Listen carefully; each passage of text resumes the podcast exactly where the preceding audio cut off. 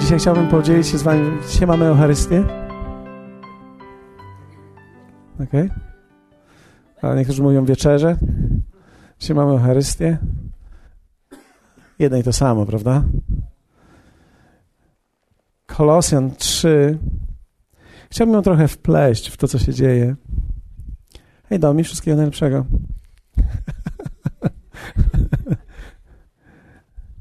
W Ameryce mogłabyś już jeździć od jutra samochodem. Kolosan 3, 12, 17. Przeto przyobleczcie się jako wybrani Boży, święci i umiłowani w serdeczne współczucie, dobroć, pokorę, łagodność i cierpliwość, znosząc jedni drugich, przebaczając sobie nawzajem, jeśli kto ma powód do skargi przeciw komu, jak Chrystus odpuścił wam, tak i wy. A ponadto to wszystko przeobleczcie się w miłość, która jest spójnią doskonałości, a w sercach waszych niech rządzi pokój Chrystusowy, do którego też powołani jesteście w jednym ciele, a bądźcie wdzięczni.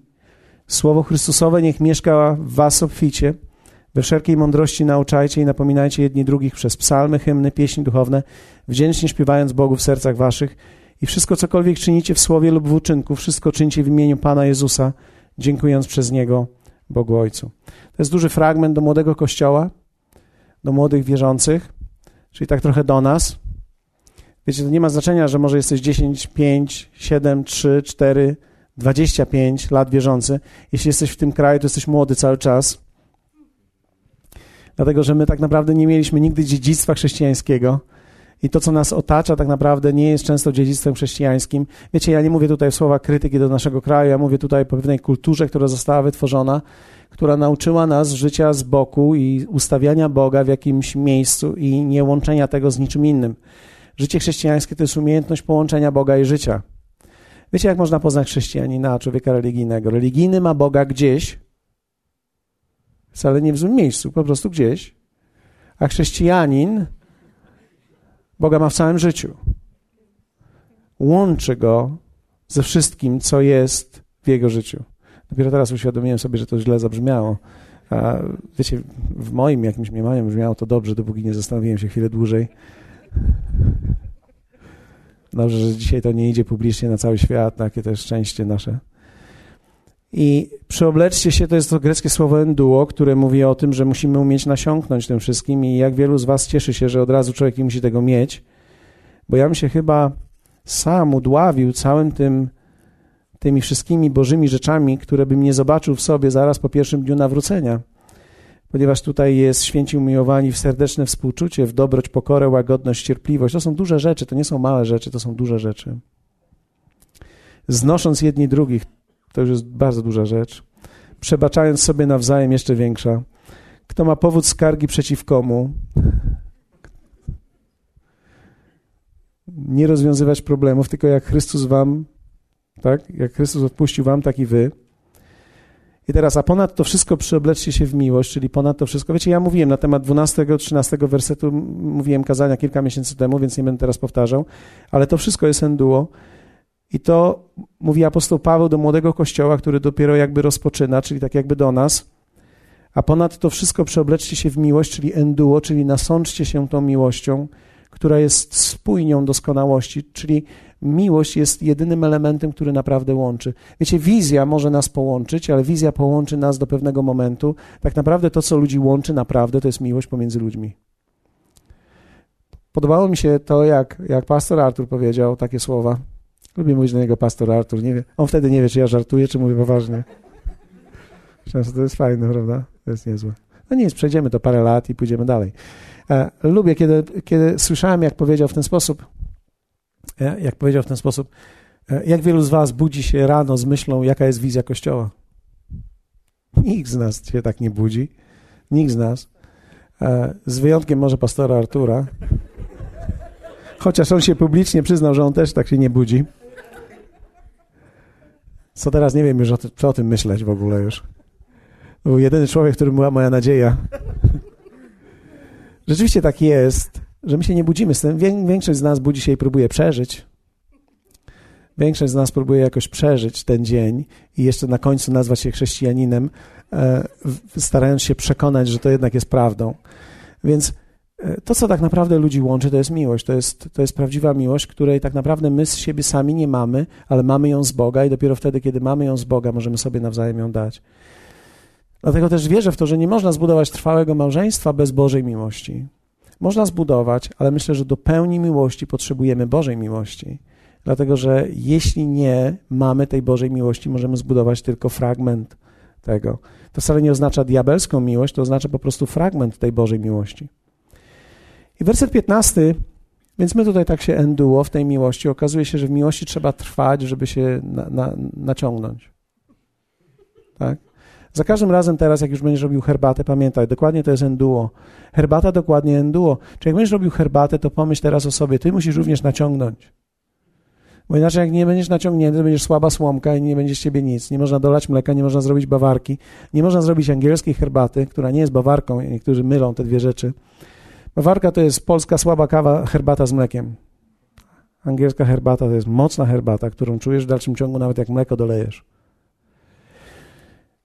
Więc kiedy będziesz robił herbatę, pomyśl sobie, że tak właśnie enduo naciągasz. Nie da się naciągnąć bez bycia w tym. Hmm? Wiecie, ja nie jestem cierpliwy, więc ja wszystkie herbaty najpierw wykręcam, wyciskam i tak dalej, żeby to szybko naciągnęło. Ale tak naprawdę prawdziwi koneserzy mówią, że to musi nasiąknąć właściwie trzy minuty i wtedy wyciągasz, lekko strzepniesz, bez wyciskania. Jeśli ktoś z Was chciałby wiedzieć, jak to się robi, Mirek wie, jak to się robi doskonale. On robi idealną herbatę, najlepszą, jaką kiedykolwiek piłem. I człowiek tak musi enduo i my nasiąkamy tą miłością, która jest spójnią doskonałości, która nas łączy tak naprawdę. I werset 15 mówi takie słowo.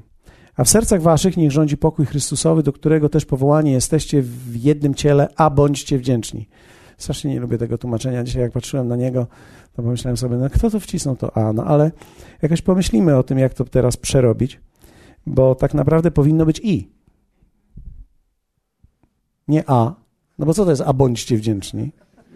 Tylko I. Tak? Powiedzmy razem I. W sercach waszych niech rządzi pokój Chrystusowy, do którego też powołani jesteście w jednym ciele. Wiecie, w tym tekście są dwa, dwa elementy. Tak naprawdę jest Boże dzieło i nasze dzieło. Rzadko Bóg kiedy robi coś bez nas. Więc tak naprawdę my coś robimy, my musimy trwać w nim, żeby enduło, czyli herbatka, torebka musi być w wodzie, żeby nasiąknęła woda i żeby torebka przerała tą herbatkę, żeby to było takie piękne, eleganckie. I ta serwetka musi trwać w tej wodzie, żeby enduło i ona wtedy cała nasiąknie, mimo że cała nie musi być, ale ten zakorzenienie w Chrystusie dokładnie to jest jedna część nasza w Nim cały czas i wtedy my nasiąkamy. W sercach waszych niech rządzi pokój Chrystusowy. Apostoł Paweł daje nam wyzwanie, mówiąc, że to jest nasza praca teraz. Więc nie, nie jest tak, że to nie, w ogóle nie jesteśmy bezczynni. Nie, my musimy brać udział w czymś i tutaj jest niech rządzi pokój Chrystusowy. Dokładnie oznacza niech zarządza wszystkim w Tobie. Eirene, pokój, czyli wszystko dobrze. Wiecie, dopóki człowiek nie żyje w takim stanie, tylko cały czas myśli, że wszystko jest źle, to galopuje niewłaściwie. Dlatego też wierzę w to, że od czasu do czasu dobrze jest, kiedy się zatrzymamy i pomyślimy sobie, że wszystko jest dobrze, że nic nie jest źle. Kto z Was ma problemy? To dobrze. Nic nie jest źle. Problemy są częścią naszego życia. Ktoś z Was ma dzisiaj sezon taki, że biegnie, biegnie, biegnie i nie widzi końca. Czy to jest źle? Nie, to nie jest źle. Wszystko jest dobrze. Pokój Boży to nie jest analiza faktów. Pokoju Bożego nie osiąga się przez to, że przeanalizuję moje fakty i pomyślę sobie tak. Aha, na emeryturę już mam, dom już mam, samochód już mam, dziewczynę już mam, dzieci mam, wszystko już mam. Mam, do, mam. Włosów może nie mam, ale wszystko już mam, większość mam. Więc wszystko jest dobrze. Więc Pokój Boży nie jest osiągany przez analizę faktów. Pokój Boży jest osiągany przez rozpoznanie tego, z kim jestem, kto jest ze mną. Bo analiza faktów zawsze doprowadza nas do działania. Ktokolwiek z Was dzisiaj jest w jakimś miejscu, miejsce, w którym jesteś, nie nie sprawia, że stajesz się pasywny, ale chcesz coś więcej zrobić, chcesz coś osiągnąć, chcesz czegoś dokonać, w dalszym ciągu chcesz pewne rzeczy zrobić, więc analiza faktów zawsze nas pcha w jakąś stronę. Więc pokoju Bożego nie osiągnę wtedy, kiedy już zbuduję dom, kiedy już kupię samochód, kiedy już wyjdę za mąż, kiedy już skończę studia. Nie osiągniesz tak pokoju Bożego, bo się nie da. Nawet nie da się dojrzeć. Jak już dojrzeję jako chrześcijanin, to osiągnę pokój Boży. Nie, bo zawsze będą rzeczy, które będziesz wygrzebywał z tego ogródka. Wiecie, ktoś podał taki przykład, że życie chrześcijańskie jest takie troszkę ogródkowe. Najpierw Bóg każe ci wybrać duże kamienie, wybierasz duże kamienie i myślisz sobie, już teraz mam świetny ogródek. Tymczasem jak wybrałeś duże kamienie, patrzysz, że jest mnóstwo mniejszych. I teraz dalej idziesz z taczką i wybierasz te mniejsze. A po zimie, wiecie, ziemia nie jest w stagnacji, ziemia cały czas pracuje, obmywa i po zimie kamienie wychodzą niektóre do góry. I później już wyzbierałeś te wszystkie kamienie, po zimie patrzysz, że masz znowu trochę kamieni. Więc to jest nigdy niekończąca się historia w nas. A niektóre kamienie, myślisz, że to jest taki malutki kamyczek, a to patrzysz, że to taki czubek tego kamyczka jest. I rozgrzebujesz go, tak patrzysz, o, to taki większy kamyczek jest. Później go rozgrzebujesz, rozgrzebujesz go, a później wołasz koparkę, wykopujesz i myślisz sobie, wow, to jest taki kamień ze 5 ton, to ja mogę z tego nawet zarobić na tym. Problem jest, problem jest tylko taki, że czasami my widzimy rzeczy po wierzchu. Więc to, wiecie, rozwój nawet samego siebie to jest też nigdy niekończąca się historia. Nigdy nie będziesz w takim punkcie, że teraz, a już mam pokój Chrystusowy, bo dojrzałem. Nie musisz uważać, bo Biblia mówi, że jak już będziesz dojrzała śliwka, to spadniesz, więc nie możesz. Tak? Więc to nie może być dojrzała śliwka, bo nikt z nas nie jest dojrzałą śliwką, bo my po prostu cały czas dojrzewamy, aż dochodzimy do pewnej pełni, którą osiągamy, a później pójdziemy do Niego i będziemy, wiecie co, przemienieni w okamgnieniu. Ja myślę, że to jest w ogóle też piękna nadzieja. Niektórzy będą przemienieni bardziej, niektórzy mniej, e, ale On w dalszym ciągu będzie pracował nad nami i przemieni nas. Więc nigdy nie dojdziemy do takiego punktu, w którym powiemy, że teraz jest dobrze, bo jest dobrze. Nie, pokój Boży osiągamy nie przez analizę faktów, ale przez analizę osoby, która jest z nami i ustanowienie pokoju Bożego. A w sercach waszych niech rządzi pokój Chrystusowy, do którego powani jesteście w jednym ciele i bądźcie wdzięczni. Wiecie, to słowo i bądźcie wdzięczni to nie jest takie, no i wdzięczność was zaleje. To słowo tak nie mówi. To słowo mówi dokładnie ginomai eucharistos. Ginomai eucharistos. Dokładnie Eucharystia, tak? Ginomai. Ginomai to piękne słowo.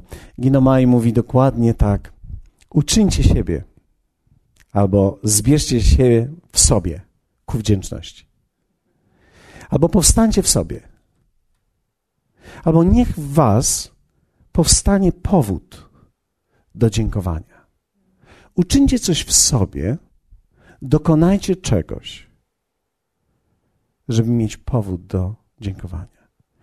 I, czyli zobaczcie, dziękczynienie i wdzięczność Bogu nie przychodzą do nas naturalnie.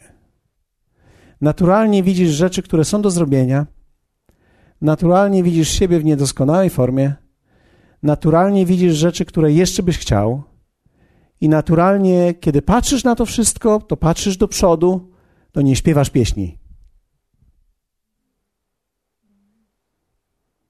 Apostoł Paweł mówi, ale spójrzcie, uczyńcie coś w sobie takiego, abyście mieli powód do dziękczynienia. Ginomai Eucharystos. Czyli uczyńcie w sobie powód do dziękowania. I wiecie, wieczerza przez wielu nazywana Eucharystia, to jest dokładnie to, że bierzemy chleb, bierzemy wino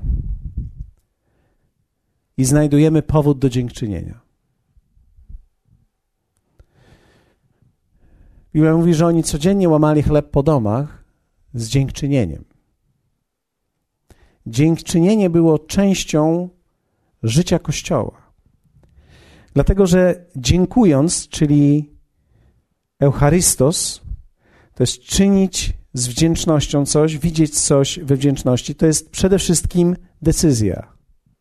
Ja muszę podjąć decyzję, żeby być wdzięcznym. To nie przychodzi na mnie automatycznie. Każdy z nas musi uczyć się wdzięczności i dziękowania. My uczymy tego też naszych dzieci. Wiecie, wdzięczność to jest coś, co musimy uczyć nasze dzieci. Dlatego, że w świecie ludzie żyją tak, że my zapewniamy dzieciom coś i sprawiamy, że dla nich to jest coś naturalnego, że to mają. Ale to, że coś mają, powinny wiedzieć, że no nie mają dlatego, że coś mają, bo wszyscy to mają, ale powinny być wdzięczne, że to mają. I uczyć je dziękować za wszystko. Dziękować za życie, dziękować za chleb, dziękować za posiłek. Dziękować za to, że mają pokój, że mają kuchnię, że mają łóżko, że mają piżamkę, że mają wszystko, to co potrzebują. I że nie mają wszystkiego, co by chciały. Dlaczego? Bo takie jest życie. Nikt z nas nie ma wszystkiego, co by chciał. Nigdy nie będziesz miał wszystkiego, co byś chciał, choćbyś, choćbyś się nie wiem jak sprężył. Hmm? Niektórzy myślą sobie, jeszcze młody jeszcze jestem i się sprężę. Ja się sprężę jakkolwiek byś chciał. Jeszcze takiego człowieka nie ma, który by miał wszystko to, co by chciał. Dlatego, że w ciele człowiek jest niezaspokojony. Wiecie, co by człowiek zrobił, gdyby mógł wybrać? Nawet gdyby posiadł całą ziemię, nie byłby szczęśliwy. Jezus nam o tym powiedział. Gdyby zdobył cały świat, i tak nie byłby szczęśliwy. To oznacza, że człowiek nigdy nie będzie szczęśliwy z powodu tego, co posiada, z powodu miejsca, w którym jest. Człowiek staje się szczęśliwy, gdy znajduje powód do wdzięczności za miejsce, w którym dzisiaj jest. I dzisiaj mamy miejsce, wiecie, my dzisiaj stoimy przed też nowym rokiem, są nowe rzeczy, nowe wyzwania, nowe wspaniałe rzeczy będą się działy w kościele, ale musimy się umieć zatrzymać i powiedzieć: Dziękujemy za to, co jest, dziękujemy za to, co było, za to, przez co przeszliśmy. Dziękujemy Bogu za to miejsce, w którym dzisiaj jesteśmy. Musimy się zatrzymać i umieć podnieść w sobie coś, znaleźć w sobie powód do dziękczynienia. Dzisiaj słuchałem kilka słów na temat człowieka, który nazywał się szczęśliwym. Ludzie go nazywali szczęśliwym. Był też zamożnym człowiekiem ale nie był znany w świecie i w swoim otoczeniu z powodu swojej zamożności, był znany w swoim środowisku z powodu ciągłego powodu do szczęścia, które okazywał i wdzięczności, która w nim była. Kiedyś zmarła mu córka, gdy miała 34 lata. Wtedy zadali mu pytanie: I co ty teraz powiesz? I on pomyślał chwilę i powiedział tak: Jestem szczęśliwy że miałem z nią 34 lata. 34 wspaniałe lata z moją córką. Dziękuję Bogu za to. Był wierzący, więc znalazł powód do dziękczynienia. Wiecie, mógł rozpaczać nad tym, że nie miał dłuższego czasu z nią, ale on zdecydował, że znajdzie powód, że miał 34 lata z nią i był wdzięczny za to. Dziękuję Bogu za to, że ma, miałem 34 lata. Wiecie, był zamożnym człowiekiem, robił różnego rodzaju biznesy. Któregoś dnia jeden z biznesów nie powiódł się i stracił 10 milionów dolarów, które musiał wy, wypłacić. I kiedy wypisywał czek na 10 milionów dolarów, człowiek, który stał obok, zapytał: I co teraz czujesz, kiedy musisz zapłacić komuś 10 milionów dolarów, które jest Twoją stratą? A on mówi: Jestem szczęśliwy. Pomyśl, czy to nie jest szczęście być tak bogatym, że możesz zapłacić 10 milionów dolarów komuś i mieć te pieniądze. Mówi, czy to nie jest szczęście, że możesz wypisać 10 milionów dolarów i być na tyle bogatym, że wypiszesz taki czek i on działa. Więc on zdecydował w swoim sercu, że nie będzie patrzył na to, co stracił, ale że był w stanie zapłacić te pieniądze, które był dłużny. Wiecie, to jest podjęta decyzja w sercu człowieka, że ja uczynię coś w sobie, aby odnaleźć powód do wdzięczności i dziękczynienia Bogu. Wiecie, wdzięczność podnosi nas ponad nasze okoliczności, widzimy lepiej. Kiedy człowiek nie jest wdzięczny, nie widzi. Widzi tylko to, czego nie ma. I ciągle narzeka wtedy. I jest ciągle zmęczony. Bo człowiek się zawsze męczy, gdy nie jest wdzięczny. Zauważyliście, że człowiek się męczy, gdy robi coś niewolniczo. Widać to czasami po naszych dzieciach, mam nadzieję, że to zrozumiecie. Kiedy nasze dziecko wyraźnie nie chce myć naczyń i musi zmyć naczynia, to od początku, kiedy zaczyna myć, do końca, kiedy myje, jest zmęczony, a my razem z nim. Jesteśmy zmęczeni patrząc na nie. Ale w momencie, kiedy wyobraźcie sobie, masz dziecko, które cudem jest takie, musisz zmyć naczynia. To wspaniale, że mogę pomóc w tym domu. Jakie to jest szczęście, mamusiu, tatusiu, że mogę dołożyć coś z siebie i w końcu moje ręce do czegoś się przydadzą. Dziękuję Ci, Panie, dziękuję Ci, mamusiu, dziękuję Ci, tatusiu, coś zaśpiewam. Zwróciliście uwagę, jak bardzo nienaturalne jest to zachowanie dla nas? Ja myślę, że gdybyśmy mieli takie jedno dziecko w domu, wszyscy by o nim wiedzieli. Myślę, że w kościele takim jak nasz, to, to dziecko byłoby słynne. Wiecie, wdzięczność nie jest niczym naturalnym. Ono nie przychodzi do nas w naturalny sposób. Wdzięczność jest pewnym aktem dojrzałym i przemyślanym. W drugim do Tymoteusza w 3:1-2 apostoł Paweł mówi: A ty wiedz, że w dniach ostatecznych nastaną trudne czasy. Powiedzmy razem trudne czasy. Wiecie, trudne czasy. I teraz on mówi tak: Ludzie bowiem będą, i teraz czasy będą trudne, bo ludzie będą. I jedną z tych cech, jaką oni będą posiadali, będą niewdzięczni. Niewdzięczni. Trudny czas będzie, bo ludzie będą niewdzięczni. Nie będą potrafili dziękować, nie będą potrafili widzieć czegoś, za co mogą być wdzięczni Bogu. Wiecie, wdzięczność będzie kształtowała tak naprawdę atmosferę naszego domu i naszego życia. I wdzięczność, dziękczynienie otwiera nas na błogosławieństwo. Ludzie, którzy są wdzięczni, przyciągają. Przyciągają Boga i przyciągają innych ludzi. Dlatego dziękuję, dziękuję Ci, Panie, umiejętność widzenia tego, za co mogę być wdzięczny, za małą rzecz. Muszę Wam powiedzieć, że ja nie miałem tej wdzięczności w sobie przez wiele lat i myślę, że w dalszym ciągu pracuję nad wdzięcznością i widzeniem tych rzeczy, ale wielu dojrzałych ludzi uczyło mnie tej wdzięczności poprzez to, jak oni byli wdzięczni. Wyobraźcie sobie, że ostatnio e, ma, mamy mieć za trzy tygodnie Roba Thompsona. Ktoś z Was słyszał o tym? Fenomenalny człowiek. Zaplanujcie już teraz, że w czwartek i w niedzielę będziecie tutaj razem z nami. To będzie genialne. Wiecie, Rob Thompson, my się nie znamy. Rob Thompson napisał do mnie w zeszłym tygodniu. Napisał do mnie e-maila. Pierwsze słowa, które pisze do mnie są takie. Paweł, chciałbym Ci na samym początku bardzo podziękować za to, w jaki sposób traktowałeś Petera Danielsa, gdy był w Polsce parę lat temu, bo słyszałem o tym od niego i chciałem Ci podziękować, jak bardzo jesteś wrażliwy na potrzeby mojego przyjaciela Ricka Renera, gdy był u Was. Dziękuję Ci za Twoją postawę do tak bliskich mi osób. Myślę sobie, co teraz? Pierwszy raz pisze do mnie. I pierwsze słowa, które do mnie wysyła, to jest kilka zdań dziękczynienia za to, co ja zrobiłem, o czym on usłyszał, za co tak naprawdę nie musiałby dziękować i mógłby powiedzieć, powinieneś tak zrobić, bo ty jesteś w Polsce, a oni są z, z Australii. I powinieneś ich dobrze przyjąć, bo to jest twoja sprawa. Nie, on jednak dostrzegł, że to jest coś wyjątkowego i był wdzięczny za to. Pomyślałem sobie, to jest niesamowite. Wielcy ludzie są ludźmi, którzy dostrzegają szczegóły i są wdzięczni. Wdzięczni za szczegóły wdzięczni za wszystko, potrafią wszystko dostrzec. Wielcy ludzie dostrzegą, wielcy ludzie dostrzegą, że ktoś przygotował to. Wielcy ludzie tutaj znajdą, kto to przygotował i powiedzą: Dziękujemy Ci, to było piękne. Powiedzą co jakiś czas: Dziękujemy do Artura i do innych ludzi, którzy służą tutaj, dziękujemy Ci, że służysz. Myślę, że Krzysztof, który służy tutaj od wielu lat i w wielu miejscach można go dostrzec, prawdopodobnie już dostał tysiąc listów z, z dziękuję ponieważ my tacy jesteśmy wdzięczni tutaj. Nie, ja tylko mówię, wdzięczność to jest cecha dojrzałych ludzi.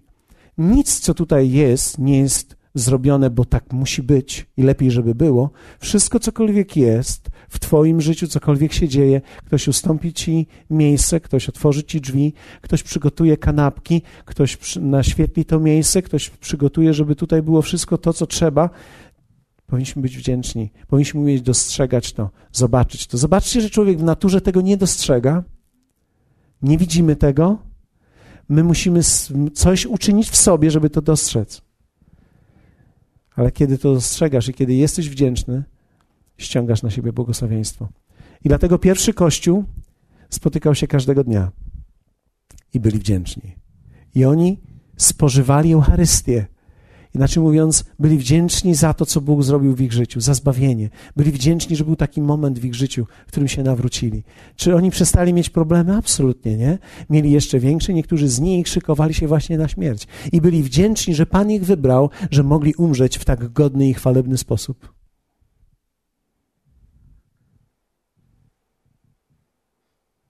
Wdzięczność, wdzięczność, wdzięczność. Wiecie, niektórzy przychodzimy do kościoła z taką myślą coś do przodu, w którąś stronę, jest tak wiele niedoskonałości, tak, być może tak jest, ale czy jesteś wdzięczny za to i czy potrafisz znaleźć coś w sobie, że Bóg coś uczynił do tego momentu, za co możesz być Jemu wdzięczny. Dlatego też śpiew i dziękczynienie są częścią Kościoła. Wiecie, niektórzy chcieliby, być może, żebyśmy zamienili to jednak w takie seminaryjne miejsce, gdzie będziemy tylko uczyć. Nie, my będziemy tu śpiewać. Będziemy tu śpiewać i kołysać się. Dlaczego? Dlatego, że my jesteśmy wdzięczni Bogu. I wdzięczni ludzie śpiewają, ciągle śpiewają. W kościele pierwszym śpiew to była cecha kościoła. Oni śpiewali, ciągle śpiewali, śpiewali psalmy, śpiewali je w kółko, śpiewali taką piosenkę, taką piosenkę. Ciągle śpiewali. Dlaczego? Bo byli wdzięczni. Śpiew jest symbolem wdzięczności. Serce, które śpiewa, jest wdzięczne. Ludzie, którzy są wdzięczni, są szczęśliwi. Bo ciągle widzą coś, co jest właściwe, co jest dobre. Wiecie, mogę dostrzegać coś, co jest dobre. Ja pamiętam któregoś dnia, opowiadałem wam, jak, jak, jak budowaliśmy dom i malowałem. Pomyślałem sobie, mój Boże, skąd ja teraz wezmę na farbę? Usiadłem i pomyślałem sobie, no nie, no, no nic, tylko zaszczelić tego gościa. No. Przecież no już gorzej być nie może. No. Dlaczego? Bo ja się martwiłem o farbę, siedząc w domu, który Bóg mi dał. Bóg dał mi to wszystko. Ja martwiłem się, skąd farbę wezmę.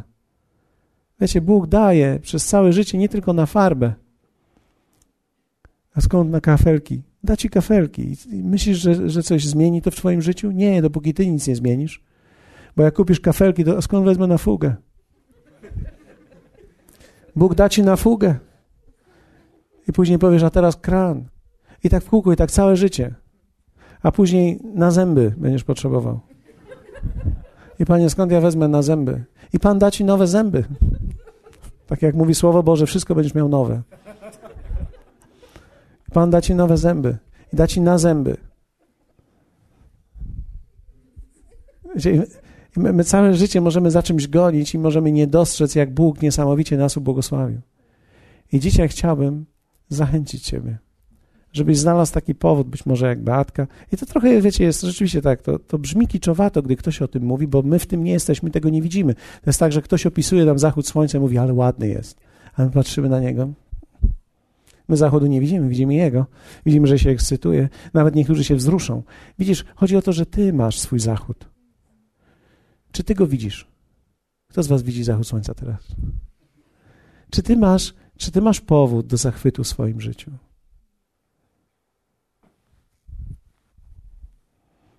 Ja nie chcę wymyślać nikomu powodów.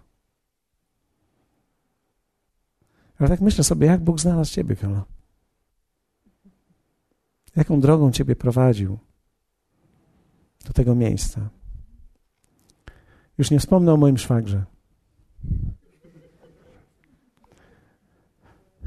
Wiecie, człowiek nie potrzebuje wielu powodów do, do radości i wdzięczności w życiu, wystarczy mu jeden. Jak masz szwagra, to już jest ten powód. Ale tak jest. Przywilej, że możemy być razem, że możemy razem się rozwijać, iść dalej. Możemy nawzajem siebie inspirować, pomóc sobie, wzmocnić siebie nawzajem, że możemy dać sobie nawzajem siłę że możemy być ze sobą w trudnych chwilach i w cierpieniu, nawet jeśli nie jesteśmy w stanie sobie jakoś pomóc. To samo to, że wiemy, że ktoś cierpi, czy jest mu trudno. I że możemy się modlić o siebie nawzajem. genialne. Jesteśmy wdzięczni Bogu za to, że możemy być razem. Jak wiele ludzie wnieśli tutaj, jak wiele wzmocnienia poszło w ich życie. Genialne. Wiecie, ktoś może patrzeć na, na, na tą samą rzecz i widzieć dwie różne rzeczy. Myślę sobie o tej młodzieży, która rzeczywiście już dorasta teraz i, i zaczynamy widzieć ich, jak służą, są w różnych miejscach. I mają swoje sezony, mają swoje różne rzeczy i, i to jest w porządku. My chcemy im pomóc, bo wiemy, jak to było. Na szczęście oni wiedzą, gdzie jest dom. To jest wspaniałe. Bóg dotyka ludzi i zbawia ludzi, i to jest genialne. Czy ty masz, czy znajdziesz w sobie powód do dziękczynienia dzisiaj? Chciałbym zachęcić Ciebie. Powstańmy razem. Chciałbym, żeby każdy z Was podszedł tutaj dzisiaj. Wziął ten chleb i to wino. Tak naprawdę to jest sok, więc jeśli ktoś z Was czeka, że wypije coś, to nie.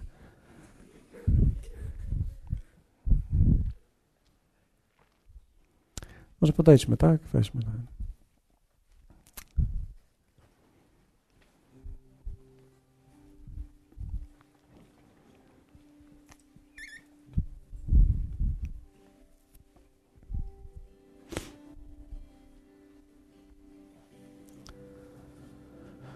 Dziękczynienie nie jest czymś automatycznym, ale to jest decyzja dojrzałego człowieka.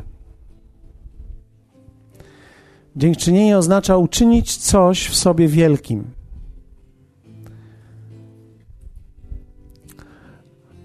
Na przykład Beatka powiedziała, że dla niej ważne to było, aby jej dzieci miały relacje z nią. I ona jest podekscytowana tym. Dlaczego? Bo dla niej to stało się czymś wielkim w niej. Wiecie, człowiek nigdy nie będzie wdzięczny za coś, co jest małe w nim to coś musi stać się wielkim w tobie. Halleluja. Amen? To coś musi stać się wielkim w tobie. W praktyce mógłbym mówić o wielkich, wspaniałych rzeczach, które są i dzieją się w życiu Was, przynajmniej tych, których znam. O tych wielkich dziełach, które Bóg dokonuje, tak sobie myślę Martyna o Tomku, myślę sobie o tych latach, które był sceptyczny, wrogo nastawiony i nagle Bóg go dotyka i sam fakt, że mogę siedzieć z nim i on mówi do mnie, pastorze, to jest cud. Ja nie wiem, nie wiem jak to jest inaczej możliwe, żeby powiedzieć, to jest cud. I myśleć o tym, że możesz budować coś w swoim życiu na zupełnie nowym fundamencie, to jest cud, bo Bogu chodzi o Twoje życie, o Jego życie, o Wasze życie wspólnie. Genialne. Pomyśleć o tym, jak Anio, nawet Bóg działa w Twoim życiu, w Twoim domu, w Twojej rodzinie, gdzie Twój mąż jest tutaj razem z Tobą. Nawet jeśli jest w innym sezonie i w innym czasie, to jednak w dalszym ciągu jest tutaj z Tobą, nie jest oddzielony, jest zainteresowany. Genialne, to jest cud. Możesz być wdzięczna Bogu. Wiele kobiet chciałoby zobaczyć swego męża w kościele i przez wiele lat go nie widzą. Twój zainteresował się od razu. To jest niesamowite, to jest cud. To jest Boże działanie. To, że możemy być tutaj razem, to jest wielkie. Amen. Poszukajcie chwilę tego, za co możesz być wdzięczny Bogu tego, co jest naprawdę w Tobie wielkie. Uczyń. Apostoł Paweł mówi gino maje Eucharysto. Czyli to nie jest tak, że to od razu Cię ogarnia, ale musisz stać się tym. Uczynić to w sobie wielkim. Śpiewając to, zobaczmy, gdzie jesteśmy. A teraz posłuchajcie jeszcze. Poczekaj, Artur, jeszcze chwilę. Jeśli ktoś z Was wcześniej nigdy nie brał udziału w wieczerzy, Wieczerza jest dla wierzących, dla tych, którzy oddali życie Jezusowi. I wiecie, godny, niegodny to nie jest kwestia grzechu, to jest kwestia przyjęcia Bożej sprawiedliwości i przebaczenia od Niego. Więc jeśli jesteś tutaj nie bierzesz udziału z jakichś przyczyn, Słowo mówi, że jeśli przyjmiesz Jego przebaczenie, To nie jest kwestia, czy On ci przybaczy, pytanie, czy ty przyjmiesz. Możesz powierzyć Mu swoje życie, możesz powierzyć Mu to wszystko, co gdzieś ciąży na tobie, przyjąć Jego przebaczenie, przyjąć Jego zbawienie i wziąć w tym udział. Amen. Spójrzmy do naszego wnętrza i uczyjmy coś wielkiego w nas. Spójrzmy na te rzeczy i zobaczmy, czy my mamy zachód słońca, czy my mamy ten zachód słońca, który być może dla kogoś będzie kiczem, ale nie dla nas. My go widzimy, to jest wyraźne w nas jesteśmy Bogu wdzięczni za to, co On uczynił.